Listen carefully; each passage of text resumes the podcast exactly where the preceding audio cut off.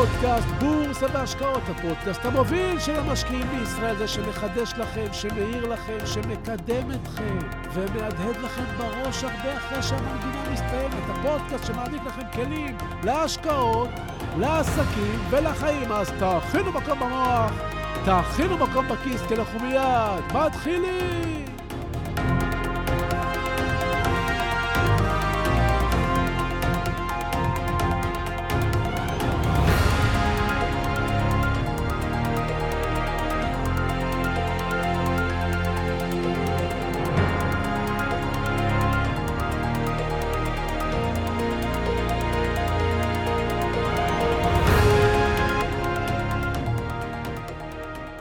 בשבת בבוקר, כשיצאתי מהבית, חלפו על פניי תאומים מתוקים וג'ינג'ים כבני שש, כשהם נוהגים במכונית מיני חשמלית לילדים. לאחד מהם היה סמל של מרצדס על מכסה המנוע פלסטי, ולשני של BMW. הם נהגו ברצינות רבה וחלפו על פניי תוך שהם צוחקים ומוארים מאושר. עמדתי ככה והבטתי בהם מתרחקים. כשהם נעלמו בעיכול, יצאתי להליכת הבוקר שלי וחזרתי במחשבות אל ילדותי, אי שם בשנות ה-70 של המאה הקודם. כשהייתי ילד, היינו בונים לעצמנו מכוניות. לא קראנו לזה מכוניות, אלא קראנו לזה עגלות. אז, בימים ההם, היה צריך להמציא הכל, כי לא היה לנו כלום. היום כשיש ל"ג בעומר, למשל, בגן או בבית הספר היסודי, הילדים עסוקים בעיקר במרשמלו ובמה יאכלו, פיצה או המבורגר, בזמן שאנחנו היינו תופסים יונים כדי לענות על השאלה הזו. היום הילדים מגיעים למקום היעד בו תתקיים המדורה, ואחד האבות מגיע עם טנדר חדש ועמוס קרשים, ויאללה, אש, אש, מדורה. כשהייתי ילד היינו מתחילים לאסוף קרשים וגזעים של עצים לל"ג בעומר כבר בפסח. לא היו עגלות של סופר, לא היו הורים עם טנדרים, בעיקר כי הם היו עסוקים בפרנסה. ואנחנו סחבנו כמו נמלים, גזעים וקרשים ושיחים למקום המחבוא שלנו, עד ל"ג בעומר. וביום של ל"ג בעומר סחבנו אותה מהמחבוא ועד למקום בו קיימנו את המדורה. סוחבים על הכתפיים, גוררים בחבל, לפעמים זה היו מסעות של קילומטרים. אתם כבר יכולים לתאר לעצמכם שקל זה לא היה, אבל לא ידענו משהו אחר. מה שכן, די מהר למדנו מי עצלן ומי חרוץ, ומי חי על חשבונם של אחרים, ומי חכם ומי חזק. היום, כשכולם ברשתות החברתיות, יכולות לעבור שנים עד שתדע לחברים שלך את מה שאנחנו למדנו בל"ג בעומר אחד. אבל התחלתי לספר לכם על העגלות שבנינו. אז כאמור, לא היה לנו כלום, ותמיד זה היה מתחיל מקצה של מציאה חדשה. למשל, מישהו מצא דלת של ארון, או פלטה של שולחן שמישהו זרק. מישהו מצא עגלה של תינוק ישנה, או שמישהו מצא כמה מסמרים חלודים. כך היה אז, היינו מוצאים. ואז היינו לוקחים למשל את פלטת העץ ומרכיבים עליה ארגז עץ שאפשר לשבת עליו. מביאים בדרכים כשרות יותר או כשרות פחות ארבעה גלגלים של עגלה של תינוק, הגלגלים אז היו ממתכת, עם ציפוי גומי וחזקים, ומאוד התאימו לנו למטרה הזאת. תחת לפלטת העץ היינו מחברים קרש שבלט קדימה כחצי מטר, ובקצה שלנו עוד קרש לרוחב. על הקרש הקצר היינו מחברים את שתי הגלגלים הקדמיים, ובחלק האחורי של הפלטה את הגלגלים האחוריים, וכבר העגלה הייתה מושלמת. תדמיינו בצורת צלב את החלק הראשון של העגלה שיוצא מתחת לפלטה עם העץ, ובאמצע מוט ברזל שמאפשר להזיז את הקרש ימינה ושמאלה, ולנווט את המרצדס מעץ שלנו בעזרת חבל שהיה קשור מעל לשני הגלגלים הקדמיים. עכשיו, כל הפרויקט הזה היה לוקח לפעמים ימים או שבועות, כי כל דבר היה צריך להשיג. לא היה לנו גרוש לקנות כלום. הפטיש שלנו היה אבן. מסמרים, מצאנו בבניינים שבונים, מסמרים עקומים שחילצו וזרקו, ואנחנו השארנו אותם והחזרנו לחיים. מסור, הוא גם היה סיפור להשיג, וכמובן, גלגלים, חבל, מוט ברזל במידה הנכונה, ועוד כהנה וכהנה. וככה אחרי שבועות של עבודה מאומצת, כשהעגלה כבר הייתה מוכנה, היינו ניגשים איתה לאיזו ירידה טובה בכביש קרוב לבית, ונוסעים איתה למטה במהירות, בתורות. כל הדרך ממרום הירידה ועד למטה ארך בדרך כלל פחות מדקה, אבל איזה אושר. איזה רגע התעלות זה היה שאתה נוהג במכונית ממש על הכביש, ורוח התהילה מלטפת את פניך. החיוך שהיה נסוך על פניהם של התאומים הג'ינג'ים בדיוק הזכיר לי את זה. וזה גם הזכיר לי את ההרגשה של השקעה של שבועות וחודשים בבנייה של תיק השקעות עם המניות. ואז כשהן נותנות את התשואה שכל כך חיכינו לה, כמה עבודה אנחנו משקיעים בשביל רגעים של נחת, חשבתי לעצמי. ואז, כשסיימתי לחשוב על העבר, התחלתי לחשוב על העתיד. אה, מה עוד חשבתי? זה מעניין אתכם? זה בהחלט עשוי לעניין אתכם, אז חכו, חכו שנייה, אני מיד אספר לכם. שלום וברוכים הבאים לפודקאסט בורסה והשקעות, הפודקאסט המוביל של המשקיעים בישראל. והיום נדבר על כסף והוצאות, נדבר על השקעות ועגלות ורעיונות וכמובן עוד דברים מעורר חשיבה. אז תהיו ממוקדים, תאכילו מקום במוח, תאכילו מקום בכיס, כי אנחנו ממשיכים.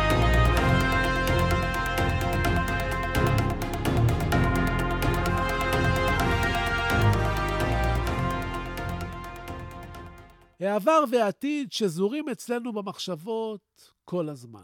אנחנו כל הזמן מנסים לחזות את העתיד ומסתמכים על העבר. יש לנו ניסיון לא רע שנצבר עם השנים.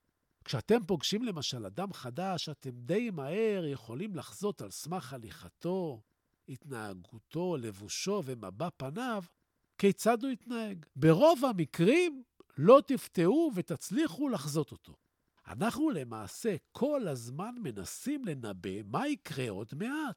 מה יקרה בעבודה, מה יקרה בבית, מה יהיה אורך התור למסעדה בערב, וכן, מה יעשו המניות שלנו היום ומחר ובעוד שנה.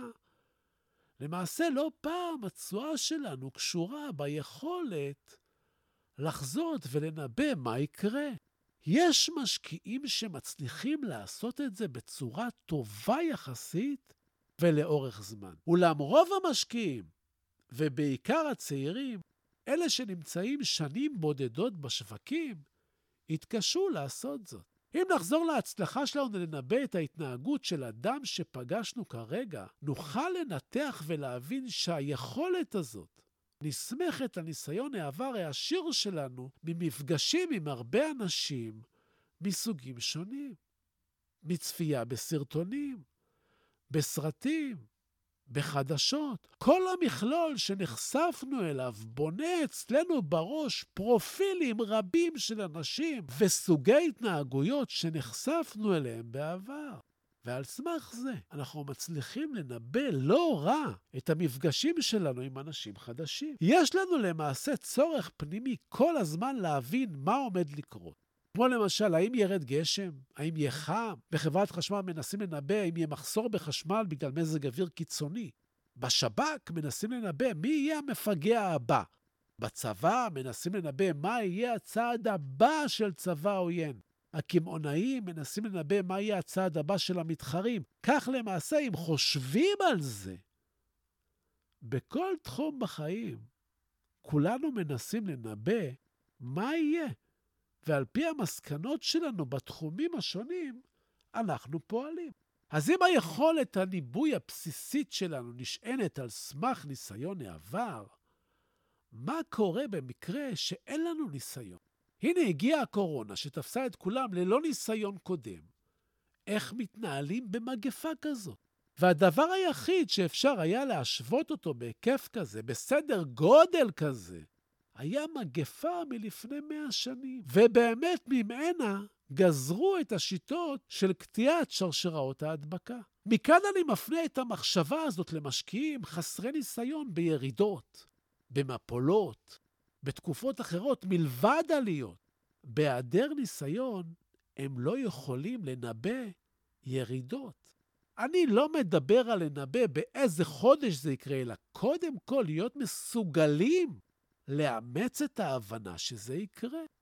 הרבה משקיעים חדשים נכנסו לשוק ההון במרץ 2020, וקשה להם לקבל שהשוק גם יכול לרדת. אני יכול ממש להרגיש את זה. כשאני כותב איזה פוסט באינסטגרם שבא לומר בגדול, חברים, קצת זהירות. ואני לא פעם מקבל תגובות שמזכירות תגובות למישהו שמנסה להנמיך את הווליום במסיבה שיש כאלה סבורים שהיא רק החלה. אז מה עושים? אז הדבר הטריוויאלי הראשון הוא לאסוף ניסיון. חלק מהניסיון הוא פונקציה של זמן, ומי שלא נמצא מספיק זמן בשוק ההון, צריך פשוט להבין שיש לו בטן רכה, ושעליו להיות צנוע וזהיר.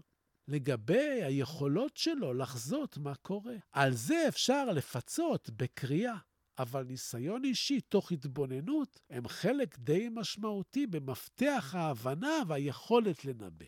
הדבר השני הוא להקשיב גם לחזאים קצת. כלומר, מה הם אומרים?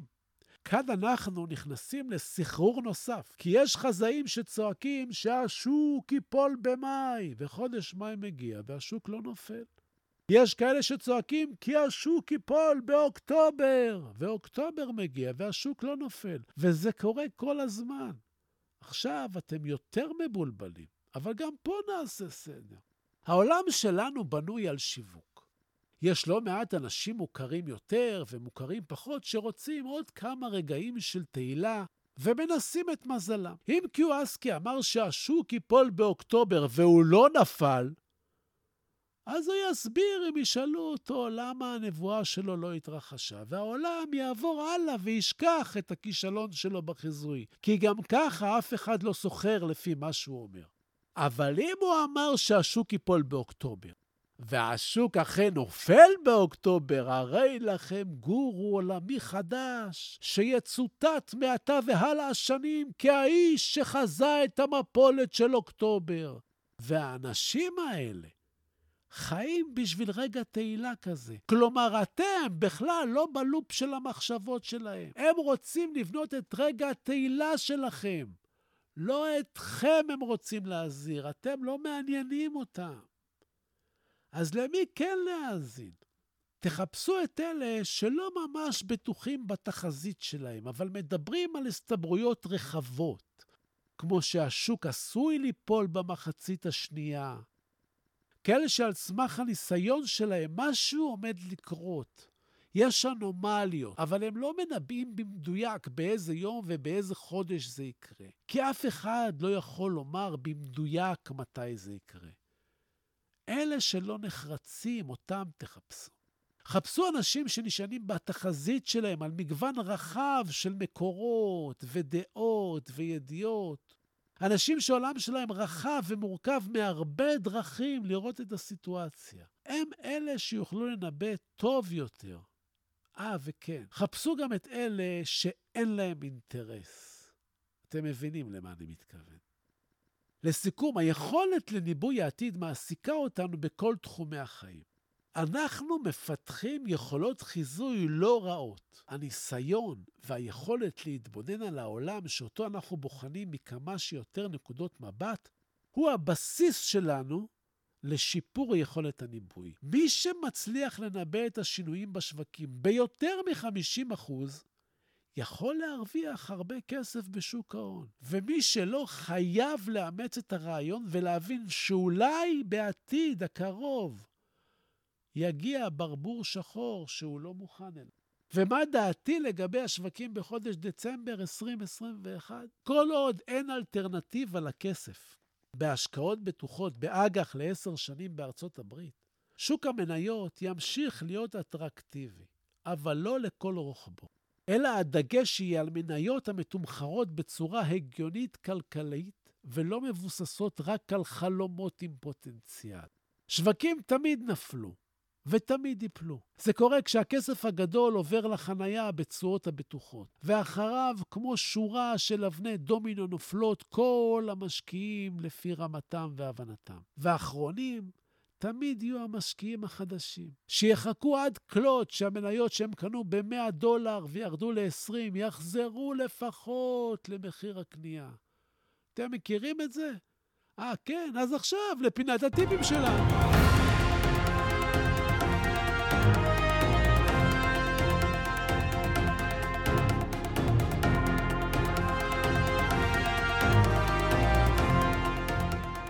הטיפ שלי אליכם היום הוא שיאים ושפלים. שימו לב למניה ששוברת שיא. אחת כזאת בדרך כלל תחזור ותשבור עוד שיא ועוד שיא, אחרי הראשון והשני בטווח לא ארוך. וגם ההפך, מניות ששוברות שיא שלילי מגיעות לשפל, ימשיכו לבדוק עוד שפל חדש. שימו לב לזה ותוסיפו לארגז הכלים של הרעיונות שלכם, כי זה חשוב. כי אפשר להשתמש באבן כפטיש, כמו שאתם יודעים, אבל למה לכם? זה קשה ופחות יהיר. תלכו על המרצדס, כי עגלה מעץ הרבה פחות כיפית. כל ג'ינג'י יודע, יש? אז? אז זהו לנו להיום, ורק אזכיר שמי שרוצה ללמוד איתי יותר ולהעמיק ולקבל כלים של-90% מהמשקיעים אין אותם, על הפסיכולוגיה של המשקיעים, אז יש קורס מעניין שזוכה לשבחים והוא נמצא באתר סודות. תקבלו גם 12 ספרים הביתה ועוד 20 תמציתי ספרים בעברית לקרוא ברשת, ותתעשרו בהמון ידע, אבל באמת. לכל מי ששאל אותי מה ההבדל בין הפודקאסט לבין הקורס, אז אם הקורס הוא אקווריום של דגי זהב שאתם נהנים להתבונן בו, אז הקורס זה צלילה בריפים של אילת בעומק של 20 מטר. אתם הבנתם? אם אתם רוצים להתקדם בהשקעות, זה המקום. ובסיום אני שב ומציין, כן, במה שאני אומר, המלצה מקצועית או ייעוץ מקצועי, את אלה תמיד כדאי לקבל מיועץ מוסמך עם רישיון, לי אין. אני רק משתף אתכם במה שאני חושב. המניות שאני לפעמים מדבר עליהן כאן, אתם צריכים לדעת. אני לפעמים קונה מהן, לפעמים מוכר מהן, ואני אף פעם לא מנסה לכוון אתכם לבצע פעולה כלשהי, אלא רק לגרום לכם לחשוב, לחשוב, לחשוב, וכן, הפודקאסט הזה מדבר בלשון זכר, אבל זה רק מטעמי נוחות, והוא פונה לנשים ולגברים כאחד. ותודה, תודה להילה ברגמן, שעורכת, מהירה, מפיקה וגורמת לפודקאסט הזה להיות. תודה לכם על התגובות החמות, תודה על השיתופים. תמשיכו, תפיצו, נגדל יחד, אנחנו כבר במיליון הורדות. אתם קולטים, ועד הפגישה הבאה שלנו אתם מוזמנים לשמור איתי על קשר. בקר באתר האינטרנט שלי, סודות, co.il, לשלוח לי מייל, זביקה, כרוכית, סודות.co.il, לעקוב אחריי באינסטגרם, סודות, קו תחתון בורסה, באנגלית, תגיבו, תשאלו, תעלו נושאים, אני חוזר לכל אחד ואחת מכם, כן? סמנו שאהבתם, תשלחו את הפודקאסט לעוד כמה חברים, אני רוצה עוד מאזינים, תעשו השתדלות, ותודה רבה שהאזנתם לי. תודה. באמת תודה. זה לא ברור מאליו. הלוואי שתתעשרו בקרוב. בריאות, בשורות טובות. ביי!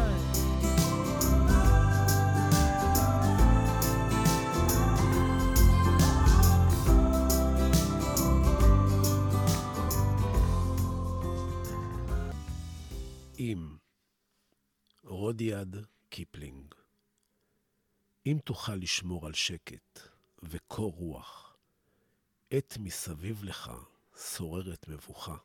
אם בין מפקפקים תוסיף להיות בטוח, אבל גם לספק תדע לתת לבך.